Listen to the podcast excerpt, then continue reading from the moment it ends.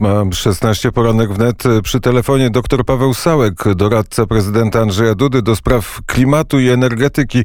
E, kiedyś bliski współpracownik świętej pamięci profesora Jana Szyszko. Dzień dobry, e, panie doktorze.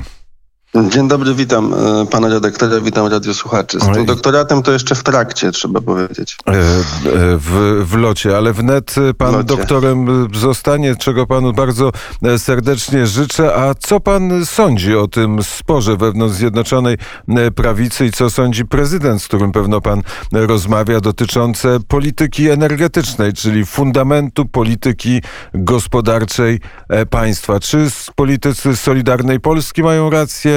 Czy politycy Prawa i Sprawiedliwości premier Mateusz Morawiecki? No tutaj, panie redaktorze, sytuacja jest bardzo złożona, dlatego że mm, ta polityka unijna, klimatyczna i energetyczna wymusza, mówiąc wprost, na polskich e, na polskim systemie elektroenergetycznym i na naszym państwie pewne e, zmiany. W mojej opinii te zmiany idą w zbyt radykalny sposób i zbyt szybki sposób z tego względu, że e, polska gospodarka ma swoją charakterystykę i dzisiaj takie nagłe przejście, odejście można powiedzieć od e, energetyki węglowej, no, dla polskiej gospodarki, dla bezpieczeństwa energetycznego i dla bezpieczeństwa dostaw energii elektrycznej i ciepła dla naszego społeczeństwa no, mogą być e, bardzo trudne. No, Zjednoczona Prawica dyskutuje tę sprawę, dlatego że w tym układzie transformacji energetycznej która w jakiś sposób spokojny powinna być realizowana w Polsce, no nakłada się jeszcze wątek y, i pieniędzy unijnych, które będą przygotowane i są obecnie dyskutowane i tam między innymi jest, są pieniążki na e, sprawy związane z tak zwaną sprawiedliwą transformacją. No ale ta sprawiedliwa transformacja, uruchomienie tego funduszu na pewno będzie wymagało od Polski polskiego rządu konkretnych informacji związanych z tym, jak, w jaki sposób my mamy sobie poradzić z sektorem wydobywczym, a w zasadzie ważniejsze mm, tu jest to podejście, co z naszą energetyką konwencjonalną, bo o ile niektóre kopalnie, one mogą już, że tak powiem, szczerpać swoje złoże i nie ma możliwości tam eksploatacji i wydobycia z różnych przyczyn e, surowca, no to przecież takie kompleksy wydobywczo-energetyczne jak Bełchatów i Turów, no to to są instalacje i miejsca, gdzie ta eksploatacja może e, postępować, też mają swoje bieżące e, problemy. Natomiast dzisiaj jest tak, że w obecnej sytuacji, tej trudnej, która się dzieje na świecie, no pamiętajmy o tym, że każde poważne państwo zachowuje swoje bezpieczeństwo energetyczne i bezpieczeństwo dostaw w oparciu o własne surowce. Więc tutaj e, Polska też powinna mieć możliwość kształtowania swojego własnego miksu energetycznego, a najkrócej mówiąc, tym jest pewien kłopot, bo dzisiaj mamy taką sytuację, że Zgodnie z traktatem, zgodnie z traktatem, każde państwo członkowskie Unii Europejskiej ma e, możliwość i prawo do kształtowania e, miksu energetycznego, czyli swojego koszyka energetycznego tak, jak uważa i tak, jak e, chce to realizować i kształtować. Natomiast mamy sytuację taką, że poprzez akty niższego rzędu w Unii Europejskiej, poprzez przepisy związane z polityką klimatyczną i polityką środowiskową, dochodzi do zmiany e, traktatu w tym zakresie bezpieczeństwa energetycznego i własnego miksu energetycznego, ze względu na to, że akty niższego rzędu, no nawet ta dyrektywa o handlu uprawnieniami do emisji, doprowadza, doprowadza do tego, że Polska e, jest e, przymuszona do tego, żeby swój miks energetyczny zmieniać. Co już no, w pewien sposób, także patrząc na wyrok wczorajszy Trybunału Sprawiedliwości Unii Europejskiej w sprawie KRS, też pokazuje, że jak gdyby instytucje europejskie w pewnych zakresach, które są pozaprawne, y, y, jeśli chodzi o prawo traktatowe, y, próbują wpływać na poszczególne państwa członkowskie. I oczywiście inwestycja, panie redaktorze, w sprawę odnawialnych źródeł energii, zmniejszenia emisyjności polskiej gospodarki jest istotna, ważna i powinna być realizowana. Natomiast to, co w tym momencie w Unii Europejskiej jest proponowane, to jest mówiąc wprost dekarbonizacja. To jest tak ładnie nazywane neutralnością klimatyczną, ale ta neutralność klimatyczna to jest pojęcie, które jest ukształtowane w porozumieniu paryskim, gdzie mówimy i o pochłanianiu, i o emisji, i tam e, termin jak gdyby realizacji tego porozumienia jest e, do e, końca wieku. Natomiast w ramach podejścia unijnego mamy bardzo dużą presję związaną z neutralnością klimatyczną, która jest wadliwie nazywana w Europie jako neutralność e, klimatyczna. To jest de facto dekarbonizacja i to trzeba sobie jasno powiedzieć. I w tym momencie te zapisy aktów niższych rzędów niż e, traktaty europejskie wymuszają na Polsce podejście związane z odchodzeniem od e, wytwarzania ale energii pan... elektrycznej i ciepła w oparciu o własne zasoby surowcowe. Ale pan mówi, wymuszają na Polsce. Premier Mateusz Morawiecki zdaje się godzić na taką e, strategię, a wręcz ją e, promowią, promować, mówiąc, że to jest właśnie ta droga rozwoju tej zielonej Polski. No, jeśli spojrzymy na konkluzję mm, e, szczytów europejskich przez ostatnie dwa lata, to jest taka sytuacja, że już w roku 2019 w grudniu polski rząd zgodził się na to, żeby dekarbonizować polską e, gospodarkę. Ten termin dekarbonizacji, czyli tak zwanej neutralności klimatycznej, to jest na rok 2050 e, przeznaczony. No później był szczyt e, w lipcu 2020 e, roku, gdzie ustalono, że nowy cel redukcji klimatycznej gazów cieplarnianych do roku 2030 ma być ustalony do końca 2020 roku i w grudniu 2020 roku ten nowy cel redukcji emisji gazów cieplarnianych, tu mówię konkretnie o redukcji, został przyjęty na poziomie 55% i on ma być osiągnięty w roku 2030. Więc patrząc historycznie na te ostatnie dwa lata szczytów Rady Europejskiej, które się e, odbywały, no to trzeba powiedzieć, że Polska na to podejście ambitne e, unijne e, się zgodziła i w tym momencie trzeba będzie też ponosić konsekwencje związane e, ale, z tą ale decyzją. proszę wyjaśnić, dlaczego Polska e, się zgodziła. Pamiętamy wszyscy rok 2009, 2012, 2015. Pamiętamy, e, co robił pan profesor Jan Szyszko, w jaki sposób opowiadał o tym, e, o tym, o, tej, o tych fałszywych kartach, którymi gra w sprawie klimatu Unia Europejska my usiedliśmy do tego stolika, wzięliśmy swoje e, karty, w które okazały się, które nie są wcale mocne, bo my mamy energetykę węglową i powiedzieliśmy, no to my gramy i mamy dwójkę kier, e, trójkę trefl i czwórkę pik. E, nie możemy wziąć żadnej lewy, ale gramy.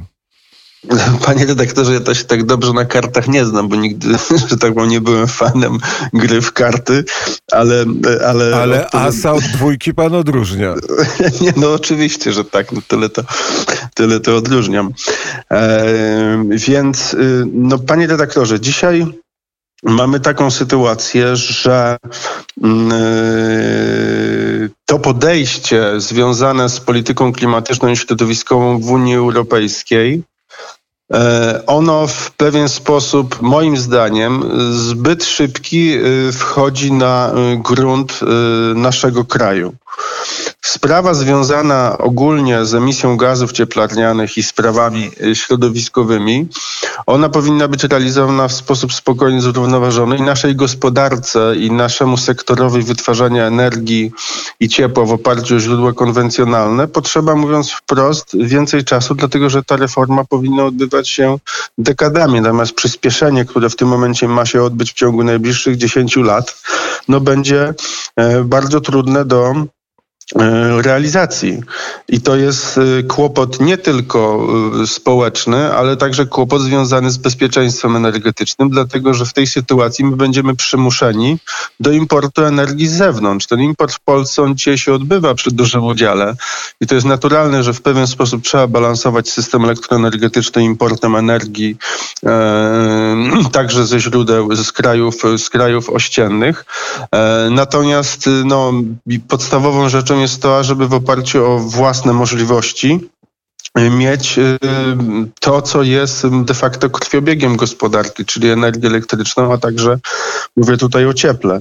To przenosząc, Więc... przenosząc przepraszam, że przerywam, ale przenosząc to na ten spór polityczny, to z tego, co pan mówi, bliżej panu do postawy polityków Solidarnej Polski niż do postawy rządu premiera Mateusza Morawieckiego. Panie redaktorze, ja nie znam szczegółów dyskusyjnych, które są wewnątrz y, polskiego rządu z tego względu, że nie jestem przecież członkiem y, rządu. Ja jestem pracownikiem pana y, prezydenta Andrzeja Dudy, więc ja tych wszystkich niuansów nie znam. Natomiast ta, to, co ja w tym momencie prezentuję i o czym mówię, to jest sprawa znana od wielu, wielu lat, ponieważ ja to podejście od e, roku 2015 jeszcze wcześniej prezentuje. Także to nie jest e, jakaś e, nowa sprawa, jeśli chodzi o e, moją opinię na temat polityki klimatycznej, którą zajmuję się ponad 20 lat i wydaje mi się, że e, troszeczkę w tym temacie się orientuję i, i po prostu daję swoją ocenę, która jest trwała, która jest trwała e, nie tylko na obecny okres, ale która była przeze mnie reprezentowana także od wielu lat. I dlatego zadaję to pytanie i dlatego przywołuję pamięć e, pana e, profesora Jana Szyszko, bo byłem ciekaw, czy pan przypadkiem e, nie zmienił zdania, nie stał się pan hura optymistą tego, że będziemy mieli prąd z wiatraków i z energii słonecznej, bo też wiemy, co zdarzyło się w Teksasie, wiemy, co zdarzyło się w Szwecji, kiedy przyszły mrozy, kiedy spadł śnieg. Energia zielona okazała się energią pustą, czyli nie mogła wytwarzać energii i powstaje pytanie, czy to wszystko nie prowadzi w ślepą ulicę całego systemu energetycznego? E, nie zmieniłem zdania. To zdanie, które wyraziłem e, teraz w dzisiejszej audycji, także wiele razy w podobny sposób wypowiadałem także na antenie Radia Wnet, e, więc tutaj nie podlegam pewnym modom, jestem, jestem, jest, prezentuję to samo podejście, e, które, które wcześniej było e, przedstawiane. E, I co do te przykłady, które pan redaktor podał, Teksasu, czy nawet ostatnio mieliśmy sytuację trzy tygodnie temu, kiedy to Szwecja musiała importować z Polski energię na własne potrzeby ze względu na problemy właśnie w krajowym systemie elektroenergetycznym. Energetycznym, no te przykłady także związane z COVID-em pokazują, że konieczne jest, konieczne jest utrzymanie e, własnych mocy wytwórczych e, do tego, ażeby gospodarka mogła funkcjonować i to, żeby zabezpieczyć to bezpieczeństwo energetyczne, co jest i te przykłady z Teksasu i te przykłady z, ze Szwecji to pokazują. Natomiast jest sytuacja taka, panie dyrektorze, nikt nie kwestionuje E, konieczności inwestycji w odnawialne źródła energii. Ja jestem zwolennikiem tych inwestycji jak najbardziej. No, przykład tego programu Mój Prąd, który dla indywidualnych osób e, dobrze się rozwija i te panele fotowoltaiczne można instalować na e, swoich budynkach. Czy przykład związany z rozwojem instalacji biomasowych, także tych dużych związanych z produkcją energii, ciepła w układzie kogeneracji. Więc to absolutnie powinno się roz, rozwijać i jest to możliwe. Natomiast ja się obawiam, że te mm, wymagania, które do Polski, można powiedzieć, już, już przychodzą, będą zbyt radykalne, jeśli chodzi o koszty finansowe i koszty związane i koszty społeczne. No bo w pewnym momencie taka będzie sytuacja, w mojej opinii, że jeżeli trzeba będzie jeżeli będzie się chciało skorzystać z Funduszu Sprawiedliwej Transformacji, gdzie e, dla Polski są przygotowane e, pieniądze na transformację, no to w pewnym momencie ktoś będzie musiał powiedzieć, kiedy, jak i gdzie, na jakim harmonogramie czasowym dokonujemy zamknięcia i kopalni, i poszczególnych elektrowni. No takie pytanie, tak jak ja znam Komisję Europejską, a wiele razy tam bywałem, to moim zdaniem Komisja Europejska w pewnym momencie albo zada takie pytanie, albo już zadaje to pytanie, żeby przedstawić harmonogram czasowy związany z restrukturyzacją, albo można powiedzieć też z zamykaniem sektora wytwarzania i sektora wydobycia, y, co oznacza, że to będą bardzo poważne decyzje i społeczne, no bo w taki harmonogram się przedstawi, no to zanim te pieniądze zostaną uruchomione, zanim one będą mogły być e, wykorzystane, no to przyniesie to pewne konsekwencje społeczne, a także biznesowe. A nie, Moim a... zdaniem Komisja Europejska będzie w ten sposób postępować, że będzie chciała naprawdę konkretnego harmonogramu, kiedy, jaka jednostka wytwórcza będzie musiała być zamknięta. A czy nie jest tak, dwie rzeczy. Po pierwsze, że trochę pandemia i to, że żyjemy w tym koronawirusowym świecie, to nam zasłania pewne poważne problemy. To jest stwierdzenie, a takie stwierdzenie, pytanie, ale drugie, czy to nie jest tak, że ten czas pandemii, wychodzenia z pandemii właśnie powinien być związany z inwestycjami zupełnie w inne dziedziny życia, czy w odbudowę tego, tej zwykłości naszego życia, zamiast inwestować wielkie pieniądze w energię, to można by było obniżyć podatki o taką samą e, sumę i wtedy małe, średnie przedsiębiorstwa mogłyby żyć. Ale to może zbyt daleko idące pytanie, panie ministrze. No na temat podatków to ja nie chciałbym to się, dobrze. że tak powiem, wypowiadać. To, to, to odsuwamy, odsuwamy to pytanie, źle zadane, przepraszam bardzo. E, to tylko jeszcze jeden komentarz. Taka była informacja na którymś z portali na temat wulkanu Yellowstone, e, że jak wulkan ten wybuchnie, a e, wiadomo, że kiedyś wybuchnie, może to być dzisiaj, może być to za rok, może być to za 100 e, lat oczywiście, ale jak wybuchnie, wtedy zmieni się klimat na Ziemi i się będzie totalne oziębienie klimatu i ta walka z tym klimatem przecież chyba no E, panie ministrze, proszę mi pomóc, czym jest ta walka z klimatem? E, panie redaktorze, układ jako e, klimat, klimat jako układ, jako układ jest bardzo dynamiczny. I nikt nie kwestionuje tego, że klimat przez wieki, przez tysiąclecia on się zmieniał i on się cały czas zmienia. I to jest niedyskutowalne w tym sensie, że klimat się zmienia, bo on, tak jak powiedziałem, to jest na tyle wielki organizm i tak dynamiczny, że jakieś zmiany następują. I to jest, y, i teraz y, no, jest debata naukowa od dziesięcioleci prowadzona na, na, na świecie, y, która sprowadza się do tego, że jest dyskusja, czy na ile człowiek ma wpływ na e, zmiany klimatyczne. Natomiast decyzją e, państw, jeśli spojrzymy na konwencję klimatyczną, na protokół z Kioto, na poprawkę z Dochy, na porozumienie paryskie, to mamy sytuację taką, że ustalono, że trzeba przeciwdziałać y, emisjom antropogenicznym y, gazów cieplarnianych, dlatego że te gazy cieplarniane w opinii wielu naukowców są odpowiedzialne za efekt cieplarniany. Ale są też naukowcy, którzy kwestionują w ogóle wpływ człowieka na zmiany klimatyczne, także politycy no w Stanach Zjednoczonych przecież wiele osób tę sprawę e, podnosi. E, I tutaj te dwie koncepcje e, naukowe, one się spierają.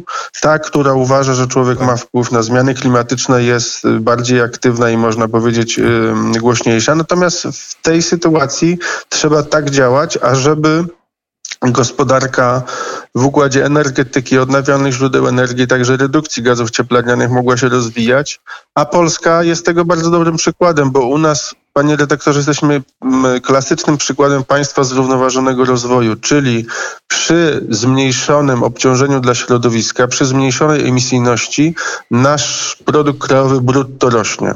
I to jest genialny przykład na cały świat, natomiast w tym momencie zakłada się nam tą uzdę unijną, e, która będzie nam przykręcać śrubę, jeśli chodzi o mm, emisję gazów cieplarnianych, a jest niewiele krajów takich na świecie, które dokonałyby takiej redukcji jak Polska i tyle inwestowały i tyle działały w kierunku poprawy środowiska naturalnego. A panie ministrze, na zakończenie pytanie, by byliśmy poranek wnet, Radio Wnet było e, w Andrychowie śladami firmy Sigen, e, która, e, która mówi o sposobie gazyfikacji odpadów, że ma system opatentowany. Czy pan coś o tym, o tej technologii słyszał, czy też nie? Wczoraj miałem w ręku kurier wnet i widziałem, że e, jest e, zajawka pana redaktora na ten temat, więc e, zapoznam się z kurierem, bo chyba ta sprawa jest opisana, ale, ale bliżej, pan, nie, bliżej nie znam. mi pan zrobił przyjemność. Państwu też polecam kurier wnet, najnowsze wydanie, a panu ministrowi też artykuł. Adam Gniewecki, kiedy rozum śpi, budzą się wirusy, starał się jest pan Adam Gniewecki Morawiecki, e, rozszyfrować i opowiedzieć tę historię e, skomplikowaną koronawirusa. Kto, kim i dlaczego, kto, kto i co robi w tym e, wszystkim. Ale to już inna historia. Bardzo dziękuję za rozmowę. Dziękuję, kłaniam się, miłego dnia. Paweł Sałek, doradca prezydenta Andrzeja Dudy, był gościem poranka wnet. A na zegarze, jak ten czas szybko e, płynie, proszę Państwa, jest godzina 8.36, to prawie e, sportowe e, tempo dzisiejszego poranka. A teraz